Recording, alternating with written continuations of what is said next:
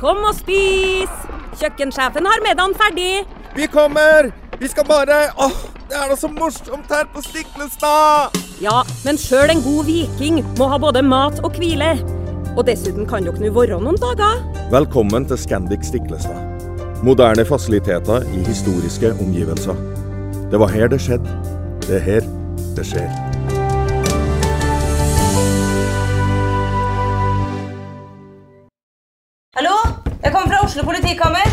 Ine Jansen er purk. Er du purk? The motherfucking bitch. Alt jeg vil, er å finne ut hva som skjedde med mannen min. Jon Carew. Er jeg sikta for noe? Iben Akeli. Det er du. Ole So, Lars Berrum og Big Daddy Karsten. Hvem sin side er du på, egentlig? Anette Hoff, Tone Danielsen, Kommer du fra Afrika?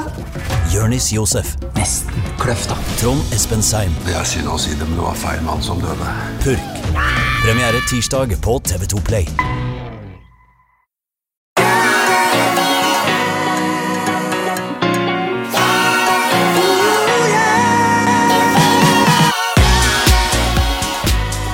Ole Petter Gjelle, det er tid for å spille litt mer hjernesterk.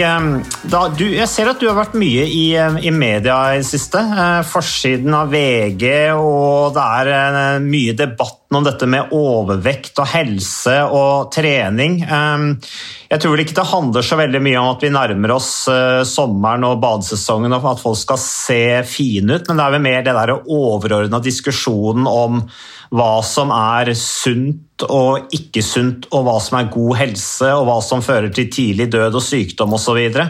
Um, Jeg har ikke lest alle sakene, for det har kommet så veldig mye av de helt plutselig, men uh, jeg, liksom, uh, jeg ser jo det med glede at du er i det, så da kan jo du forklare oss litt hva dette handler om? Ja, det handler, altså mitt, mitt ståsted i det, eh, og som er grunnen til at jeg har stukket hodet litt fram, det er jo at jeg opplever at vi i eh, samfunnet generelt, og kanskje i helsevesenet spesielt, har et eh, litt for ensidig fokus på, på vekt. At det å være slank, da er man sunn, og er man overvektig eller har fedme, så har man dårlig helse. Og og det fokuset ønsker jeg å dreie vekk. da, eh, Fra vekt over på, på helse. Altså Det er jo stort sett det de fleste er, er mest opptatt av. Folk er mer opptatt av uh, helsa si enn vekt, strengt tatt. Uh, og så har vi dessverre et fokus som har blitt for ensidig på vekten.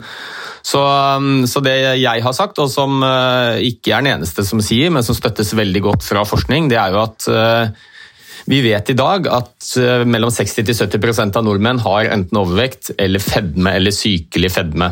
Og en veldig stor andel av disse nordmennene de, de prøver å gå ned i vekt.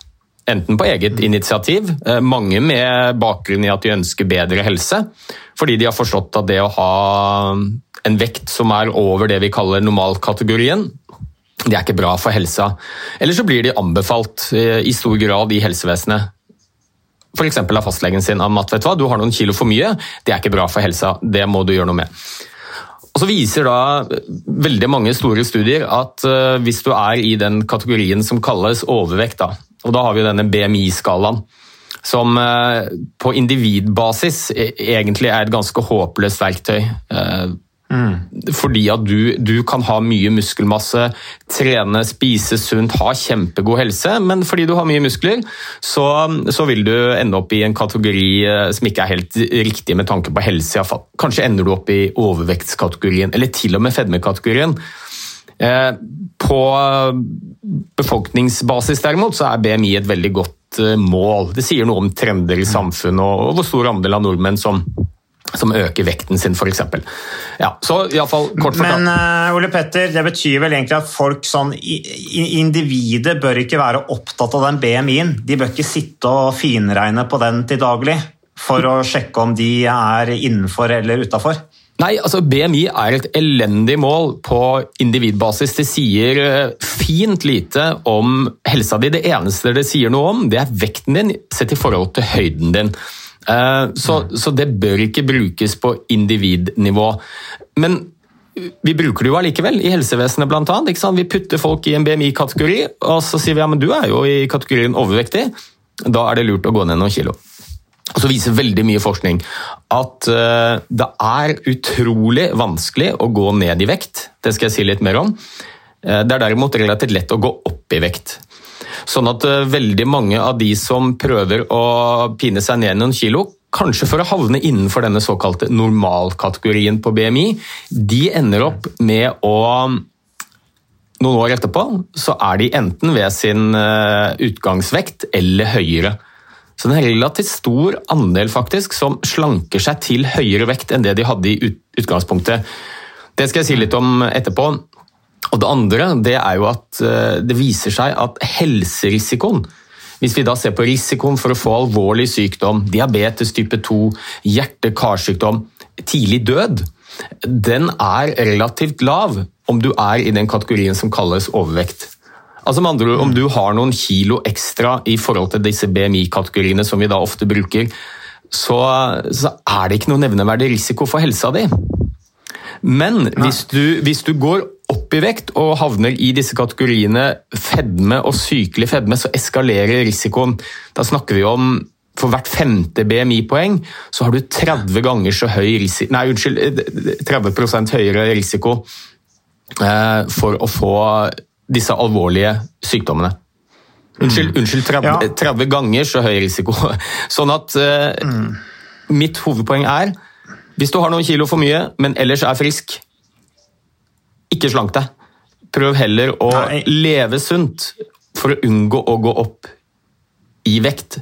For da kan det bli en risiko for helsa di. Så vi må i mye større grad snakke om bevegelse, kosthold, søvn dette med alkohol, tobakk altså Alle de tingene som vi vet er så viktige for helsa vår. Og så glemme vekten i mye større grad. da. Det blir jo litt sånn relativt begrep på det der, da. Eh, om du er overvektig eller ikke, sånn eh, sett fra ditt eget perspektiv, hvordan du vurderer deg selv. Eh, altså, jeg har jo også gått opp i vekt eh, siden jeg var aktiv idrettsutøver, men jeg, jeg, er jo ikke usunn. Altså, jeg ser jo på, Det er jo det er jo hverdagen din, hvilke, hvilke, la oss kalle det arbeidsmål, da, hvilke mål du har med hverdagen din i forhold til hvordan du ønsker å leve livet ditt. Altså hvis, du, hvis du legger inn regelmessig mosjon, hvis du passer på å ikke spise godteri, at det ikke er lørdag hver dag i uka, eh, dette som du sier med alkohol, det er jo noen sånne enkle ting, og du trenger jo ikke å gå på vekta heller for å, å, for å, å danne deg selv en mening om du, du, du er sunn eller ikke. Jeg opplever at altfor mange bruker vekta som et, som et, mål, og at de blir altfor opphengt i det, og at det tar fullstendig overhånd, overhånd over hverdagen deres. Så liksom, Mitt råd til mange er at legg fra deg den der badevekta. Du kan ikke gå på den hver dag. Og Du er inne på det der, Ole Petter, det sier du også at du skal komme tilbake til. Dette her med slanking, at, at folk slanker seg til overvekt. Det blir jo litt som å pisse i buksa for å holde varmen folk går fort ned, og så går de like fort opp igjen. fordi at det livet de lever når de går ned i vekt, er så unormalt at det sier seg selv at det, det, kan de jo ikke opprettholde over lengre tid. Ja, da, og, og, her er det flere problemstillinger. Det er jo nå som sagt mellom 60-70% av nordmenn som eh, er i kategorien overvekt eller fedme eller sykelig fedme. Og, og, Det skal man ikke underslå. Det er en stor folkehelserisiko. Spesielt for de som er da i, i fedme- og sykelig fedme-kategorien. Det fører til mye individuell lidelse, sykdommer. Det er kjempedyrt for samfunnsøkonomien. Men så er det jo ikke så rart at vi havner der heller, da, og det ønsker jeg å snakke litt også om. og det er jo at I dagens samfunn så, så, så er det naturlig at veldig mange går opp i vekt. Det er jo ikke veldig mange som ønsker å gå opp i vekt. Med, med, mindre man har en helseutfordring med for lav vekt. Så de aller fleste som ender opp da med en eh, økende vekt, de ønsker det jo ikke.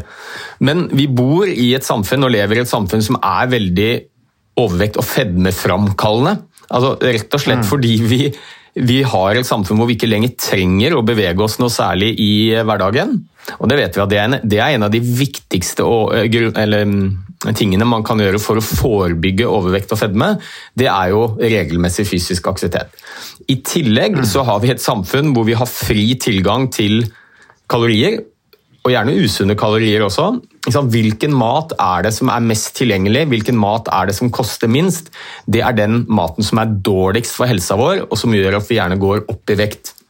Bare gå på en bensinstasjon. ikke sant? Hva, hva, slags type mat er det du først og fremst får tak i der? Eh, den, dyr, den sunne maten den eh, er dyr, og den eh, usunne maten den er billigere. Og, og på toppen av det så har vi en regjering som da gjør det motsatte av det alle fagmiljøer ønsker. De setter ned avgiftene på usunn mat og alkohol, f.eks., hvor de selvfølgelig kunne gjort det motsatte. Hovedpoenget mitt er at overvekt, fedme, sykelig fedme også, det handler i veldig liten grad om latskap eller dårlig motivasjon. For folk flest gjør det ikke det. Altså, vi lever i et samfunn hvor du må jobbe skikkelig hardt faktisk, for å kunne klare å holde vekta di.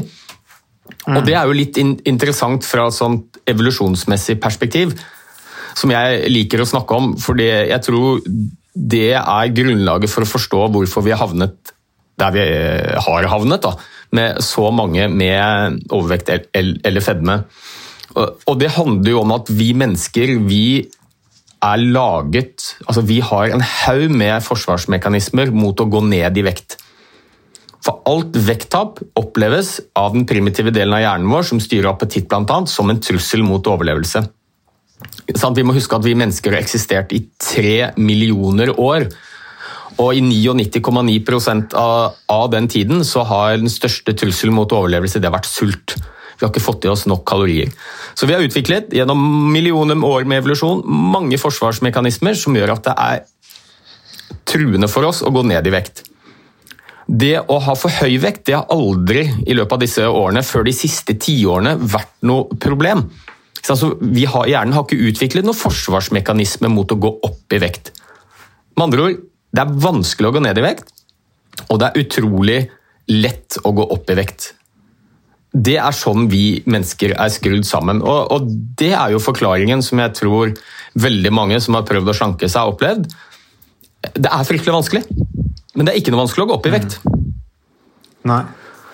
Nei, så Kunsten er å liksom uh, prøve å, å, holde vekta stabil uh, når du først er der. Uh, enten du er blitt litt for stor eller Eh, eller eh, er i, på en måte i et, eh, har en normal vekt, da, og prøve å, vedlikeholde den vekta du har, istedenfor å skulle gå ned i vekt. Men, men Ole Petter, det som er utfordringen med å være med å bli stor, da, selv om du ikke nødvendigvis er, er helseskadelig stor, eller du er i en fare for å, å, å, å utvikle sykdommer når du er stor, er at det blir jo det, det, er tungt å bevege seg, da. Det er jo utfordringen. At, at, det blir på en måte tungt å bevege seg, tungt å mosjonere, og at dermed kanskje motivasjonen til å gjøre det går litt ned, fordi at det oppleves, det oppleves tyngre og oppleves som et mer ork da, enn det det kanskje ville gjort hvis man var noen kilo lettere. Hva, hva, hva tenker du om, om, det? I så fall så må man jo bare justere måten man mosjonerer på. Da. For det er jo altfor mange som setter for høye krav til det, tenker jeg. Ja da, og, og jeg sier jo på ingen som helst måte at uh, hvis du opplever selv at vekten din er trøblete for hverdagsfunksjonen din, uh, og så, så, tenker jeg det er helt supert å prøve å, å gjøre noe med, med vekta. Uh, mitt hovedpoeng er at kanskje spesielt vi som jobber i helsevesenet, da, vi må prøve å dreie fokuset vekt fra, altså vekk fra det ensidige fokus på vekt og, og, heller snakke om helse. Hva er det man kan gjøre for å ha best mulig helse? Og det er klart, Uavhengig av vekten din, hvis du begynner å bevege deg litt mer, eh, spise sunnere, kanskje passe på søvnen din og alle disse andre helsefaktorene, så vil du få bedre hverdagsfunksjon, orke mer i hverdagen, eh, selv om kanskje ikke vekta di går så veldig mye ned. Det handler om endring, mm. endring, av kroppsmasse, hvor du går fra å ha en del fettvev som jo er dødt isolerende lag, som er bare ekstra vekt, til å få mer muskelmasse. Det vil være med på å øke forbrenningen. Så, men jeg hadde litt lyst til å si litt om hvorfor det er så vanskelig å gå opp i vekt, for det er, nei, ned i vekt, for det er det mange som spør meg om. Eh, og det, det er jo fordi at når du begynner å spise færre kalorier enn det du forbrenner, og Det er jo hele essensen ved å gå ned i vekt. Da må du ha et negativt energiregnskap. På slutten av dagen så må det være færre kalorier inn enn kalorier ut. Ellers så går du ikke ned i vekt. Mm. Og Da er det jo en del som går på slankekurer. Eh, og en slankekur, navnet sier jo litt om at dette er ikke noe du nødvendigvis skal stå på hele livet, men noe du skal bruke som et verktøy for å gå ned i vekt. Og Da er det mange som klarer det veldig greit. Eh, kan rase ned titalls kilo eh, i løpet av en del måneder og, og, og år. Men så er jo litt av problemet at når du gjør det, når du spiser færre kalorier enn du forbrenner, så opplever hjernen det som en trussel mot overlevelse, vår eh, steinalderhjerne. Og, og da skrur den ned forbrenningen. Gradvis så gjør den det. Og det er en beskyttelsesmekanisme som har hjulpet oss med å overleve i, eh, i titusen, hundrevis av tusen av år. Og Så kommer du kanskje til et punkt hvor du eh, ikke klarer å holde fast ved denne lavkaloridietten din lenger. Og så går du tilbake igjen til å spise det du gjorde tidligere. Det som skjer da, er jo at du må spise mye mindre enn det du gjorde tidligere for å holde deg på den vekta. Fordi forbrenningen din er skrudd ned.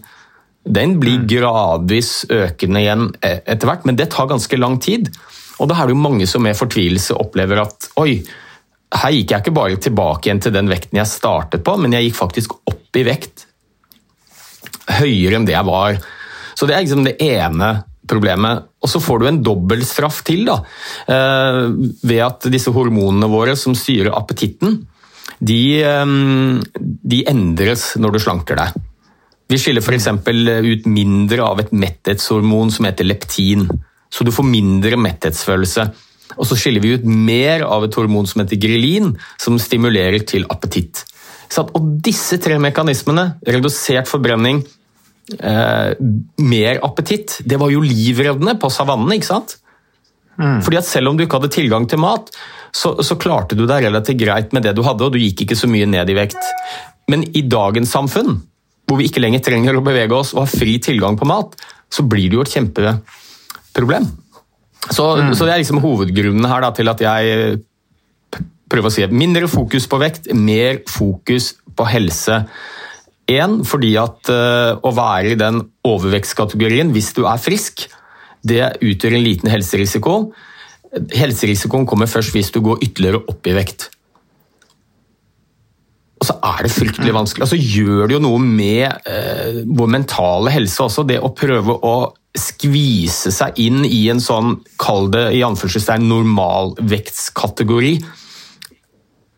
Det gjør noe med selvtillit og mestringsfølelse, og hele tiden skulle passe på hva du spiser, sjekke badevekta. Og så er det jo sånn at de aller fleste mislykkes. Ikke sant? Så da, da har vi jo lagt lista på et punkt hvor de aller fleste er dømt til å mislykkes. Og det gjør noe med holdning både til kropp og til mat uh, som er uh, uheldig. Og så er, lever vi dessverre i et samfunn hvor det er faktisk sånn at vekten din er med på å definere deg som menneske. Og vekten din sier jo ingenting om hva slags type person du er. Og det fører til masse stigmatisering, og eh, at mange av da som er i den kategorien overvekt og fedme, de føler seg sett ned på.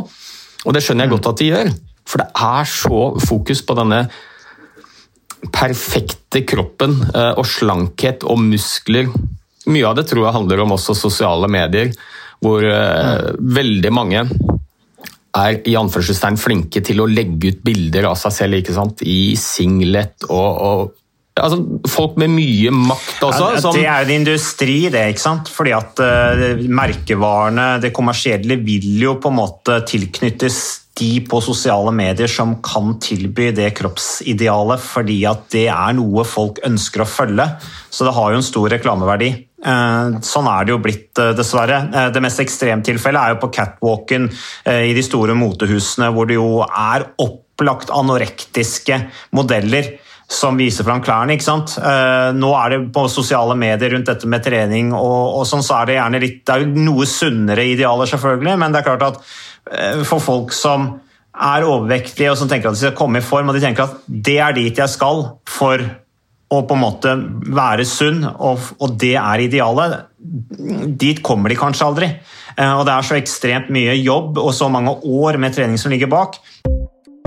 Ukas annonsør det er HelloFresh. Hello Fresh. Og eh, hvis du nå går inn på hellofresh.no og bruker koden 'fresh hjerne', så kan du få opptil 1779 kroner rabatt på da de fem første matkassene dine hvis du ikke har prøvd Hello Fresh enda.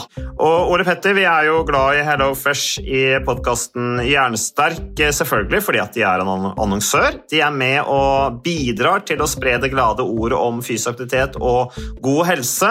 Men i tillegg så har jo vi også nå lang erfaring med Hello Fresh eh, selv, så vi må jo si at det har vært gode erfaringer til nå. Ja, absolutt. Visste du Mats, at HelloFresh det er faktisk verdens ledende matkasseleverandør? Og tilbudene til HelloFresh gjør det enkelt å lage gode og varierte retter som skaper matglede. Og matglede vet du, det er like viktig som hva du putter i munnen. Det å spise mat med folk du trives med. Så gjennom 25 nye og inspirerende retter hver uke så bidrar HelloFresh til dette. Du kan bestille ekstra porsjoner om du får gjester, eller hoppe over uke hvis du f.eks. skal bort. Og Det er ingen bindingstid, og du velger leveringstidspunkt og dag selv, så leverer HelloFresh matkassen din akkurat når det passer deg. Ikke dårlig, Mats.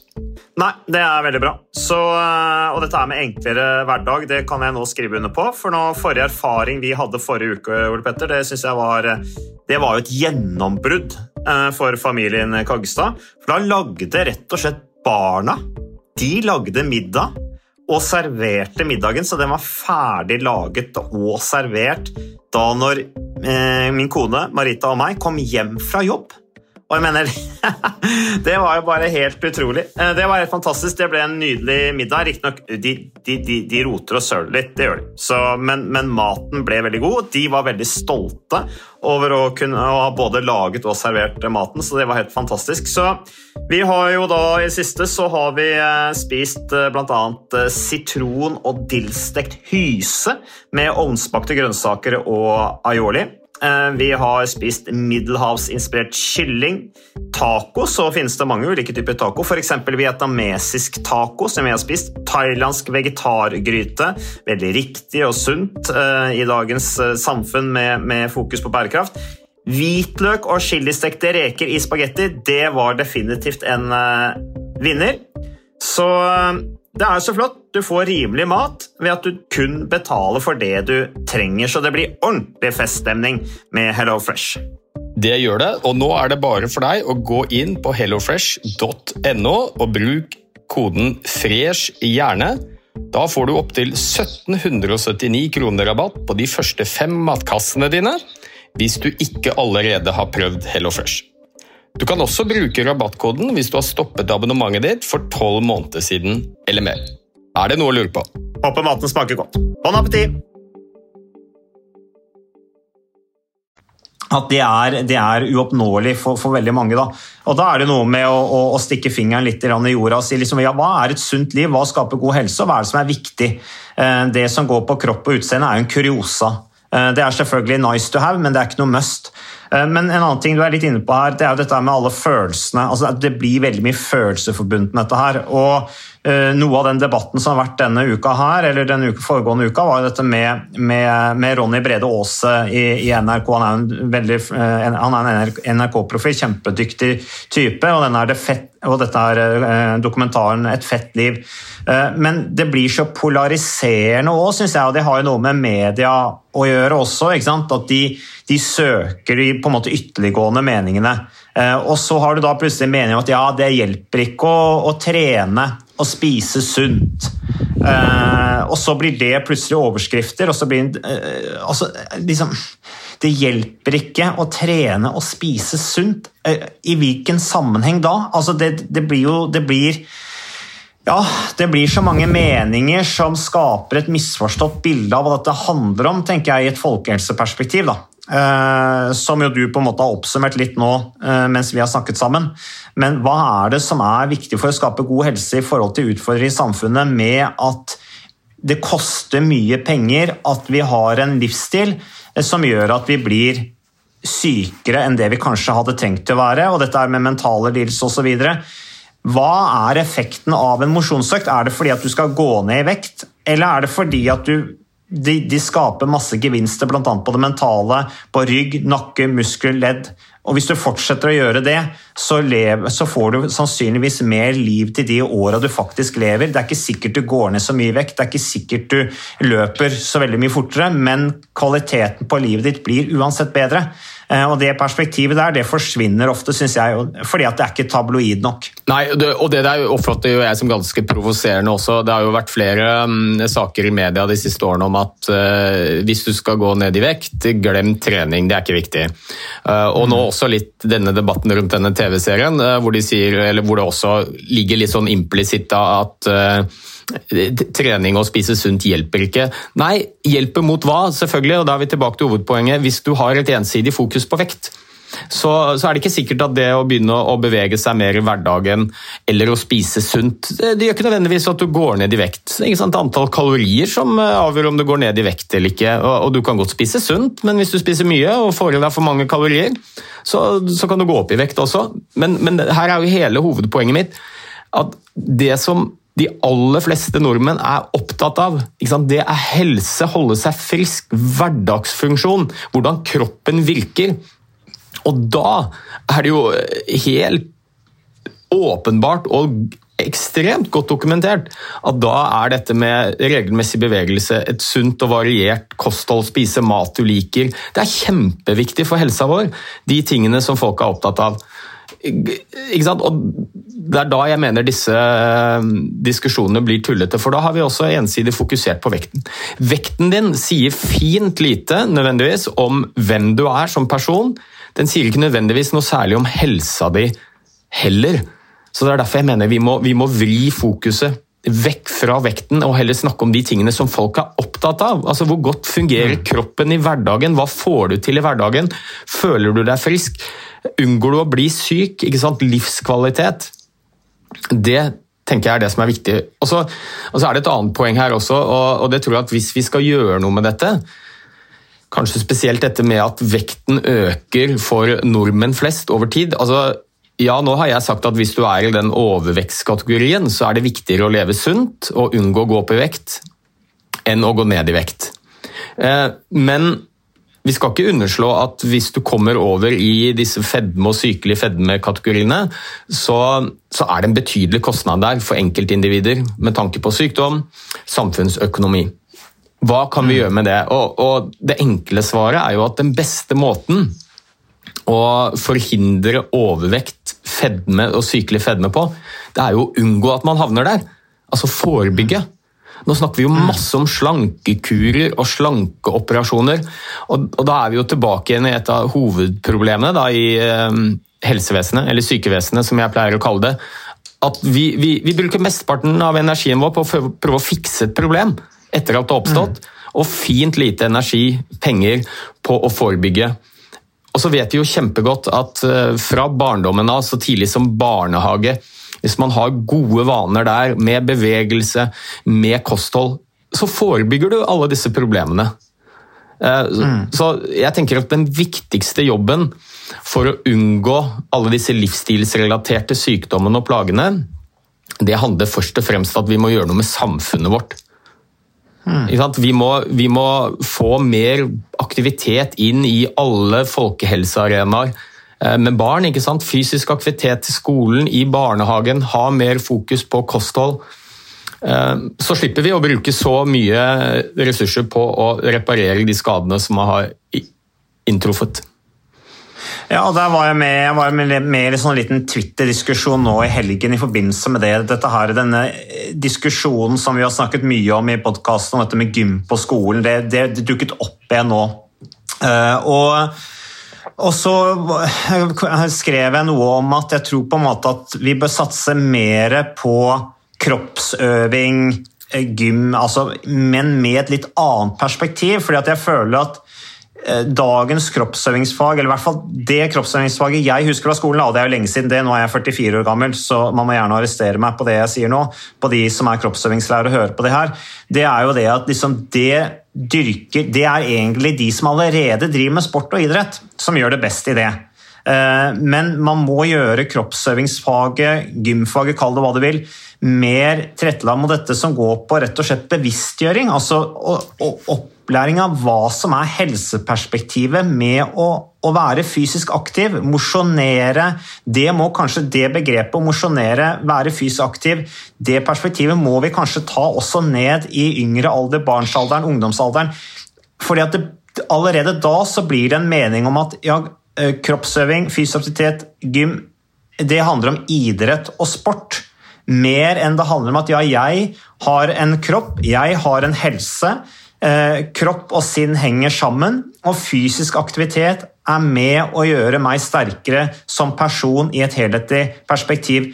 Den, det perspektivet der mener jeg må mer inn i skolen som et som et mye mer ty synlig fag, fordi at vi ønsker å bygge generasjoner nå med en bedre helse, som gjør at samfunnet sparer mer penger og flere får mer kvalitet i de åra de lever.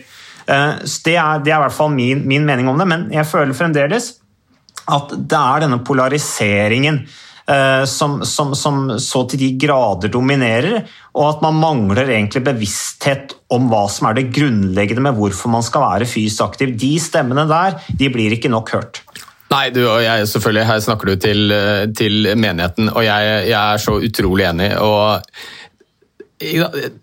dette med Og jeg er ikke så veldig glad i å snakke om fysisk aktivitet, syns jeg egentlig er litt sånn dårlig ord. Det høres litt uh, akademisk ut. og Når du snakker til barn, sant, hva er fysisk aktivitet? Det er bevegelse, og det er lek.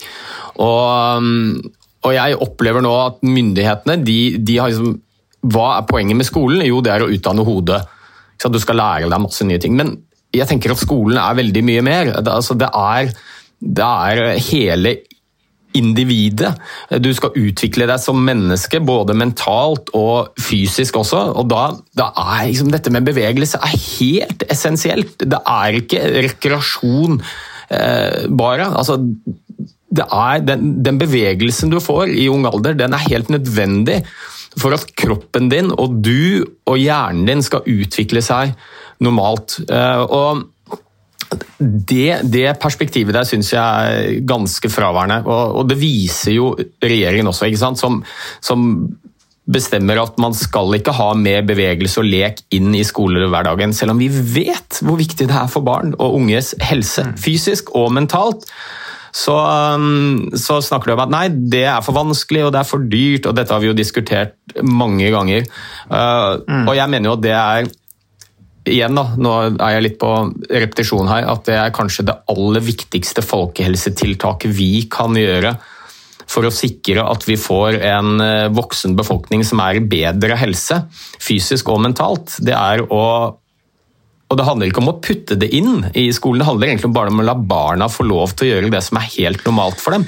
Være mer bevegelse. Du bør ikke kalle det kroppsøving, det er et viktig fag, men her snakker vi først og fremst om rett og slett mer bevegelse, som vi vet kan puttes inn i læringsaktiviteter.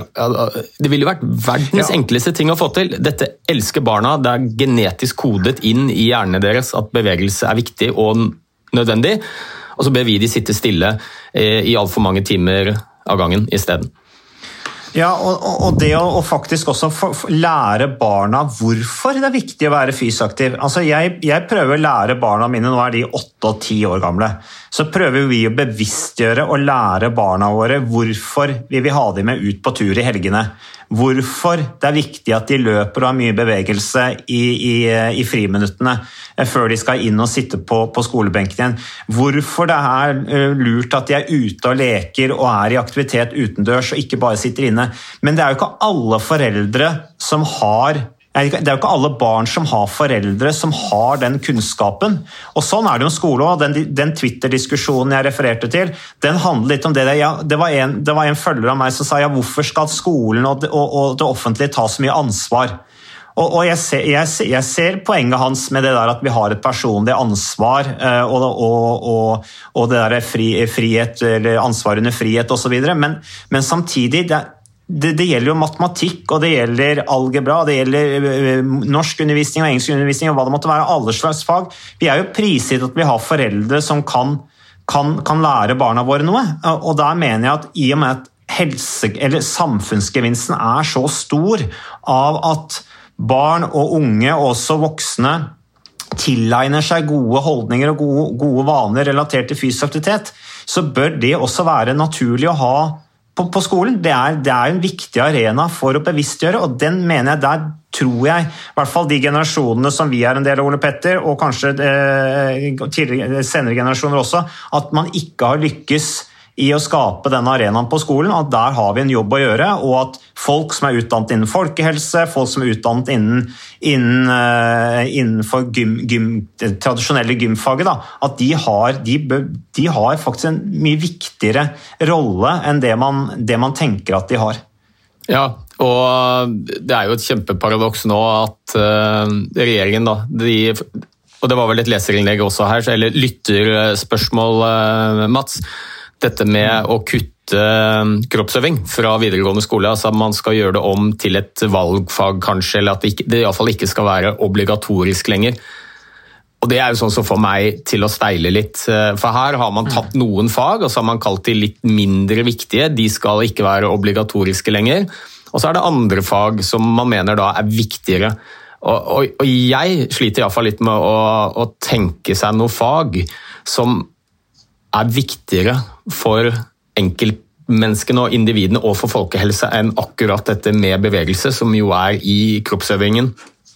Og, og det man sannsynligvis kommer til å ende opp med da, det er jo at eh, de som er glad i dette og liker kroppsøving, de kommer selvfølgelig til, eh, til å velge det.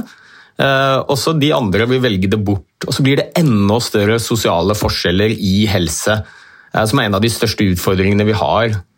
Så uh, ja, og kroppsøving er viktig. Jeg tenker det er enda viktigere rett og slett å få, la barna få lov til å bevege seg litt mer i skolen. Det behøver ikke å mm. kalles kroppsøving. Kroppsøving er viktig, men kanskje enda viktigere. Dette med å stimulere til lek, bevegelse. Igjen, jeg har sagt det mange ganger, evolusjonen er viktig.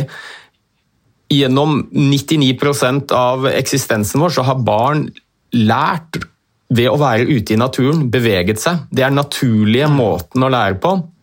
Og så har vi i løpet av de 100, siste 150 årene skapt en eh, sånn pedagogisk modell eh, som baserer seg på at man skal sitte stille og lære, som er helt ubiologisk og unaturlig for barn. Og Jeg mener selvfølgelig ikke at vi skal flytte all undervisning ut i skogen og begynne å leve på savannen igjen, for det kommer jo ikke til å skje. Men ta noen av de elementene, og det er jo så godt dokumentert også. Ha aktiv læring ute i skolegården, inne i klasserommet, med bevegelse. Barna behøver ikke å sitte bak en pult uh, og, og, høre på en lærer snakke i, i, en time. Nå setter jeg det på spissen. Så, det, det, det, er så enkle grep, så det er litt uforståelig for meg hvorfor dette er så vanskelig å få gjennom. Ja, og Særlig fordi det er viktigere enn noen gang, i og med at vi nå lever i et samfunn hvor vi er mindre aktive, og som er mer tilrettelagt for inaktivitet. Og barn og unge har nå et tilbud de ikke hadde tidligere, hvor de blir mer stillesittende og, og ligger mer stille. Da er det kanskje enda viktigere enn noen gang. Og det, og det forundrer meg at det som har med fysisk aktivitet eh, på, på, skolen, at det nedprioriteres i den tida vi er i nå. Særlig også i lys av, av covid-19, hvor det også viser seg at det er en sammenheng mellom hvor hardt du blir rammet av covid-19 Eh, og hvor syk du blir, hvor alvorlig syk du blir, og hvilken fysisk form du er, relatert også til underliggende sykdommer som til en viss grad kan, kan forebygges. Så det er eh, en spennende debatt, eh, syns jeg. Og, og, det er helt sikkert noe vi kommer til å snakke mer om, Ole Petter. Ja, og det, det, Fint at du nevnte det med covid-19. og Der har det vært veldig mye fokus på sårbare grupper og alderskategorier. og Vi ser jo det bl.a. i vaksineringen, at vi prioriterer de som har høyest alder. Fordi man tenker at med rette at de er mer sårbare for å bli alvorlig syke og faktisk dø av covid-19. Hvis du går nærmere inn i talldata og ser på de som har blitt alvorlig syke og dødd av covid-19, så er det faktisk ikke alder som er den viktigste faktoren som avgjør hvor syk du blir. Eh, og, altså, det er rett og slett fysisk form. Om du er frisk i god fysisk og mental helse, så er det den viktigste faktoren som påvirker. Og det, og det kan være ganske uavhengig av alder. Så du kan ha en 80-åring som er sprek som en fole, har ingen sykdommer, holder seg i god form, lav risiko for å bli alvorlig syk og dø av covid-19. Og så kan du ha en 40-åring som har dårlig helse, eh, altså halvparten av alderen, men har mye høyere risiko for å bli syk. Så det tenker jeg er litt sånn eh, makroperspektivet her. da. Skal vi eh, stå bedre rustet i en ny pandemi, som helt sikkert kommer, så, så, er noe av det viktigste vi gjør å, å, å, legge til rette for god folkehelse. At folk flest um, er i god form. Altså passe på helsa si. Og da, da tenker jeg at ja, det er individets valg. Alt dette med livsstilsvalg, selvfølgelig. Men eh, den viktigste jobben gjør vi i samfunnet. Vi må gjøre det litt lettere for folk å ta de gode valgene. Dette med bevegelse, dette med kosthold.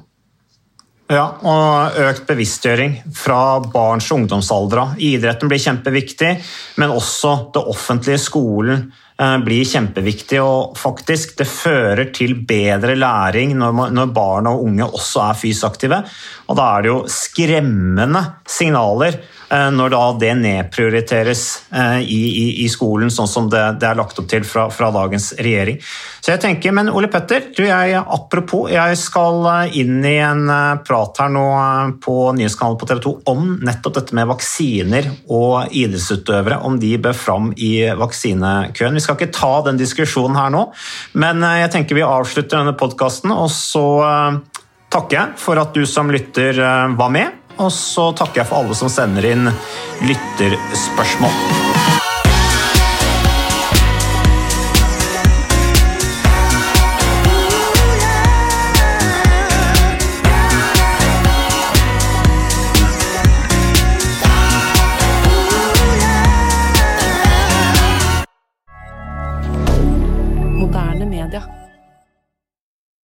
Har du et enkeltpersonforetak eller en liten bedrift? Da er du sikkert lei av å høre meg snakke om hvor enkelt det er med kvitteringer og bilag i fiken, så vi eh, gir oss her, vi. Fordi vi liker enkelt. Fiken superenkelt regnskap.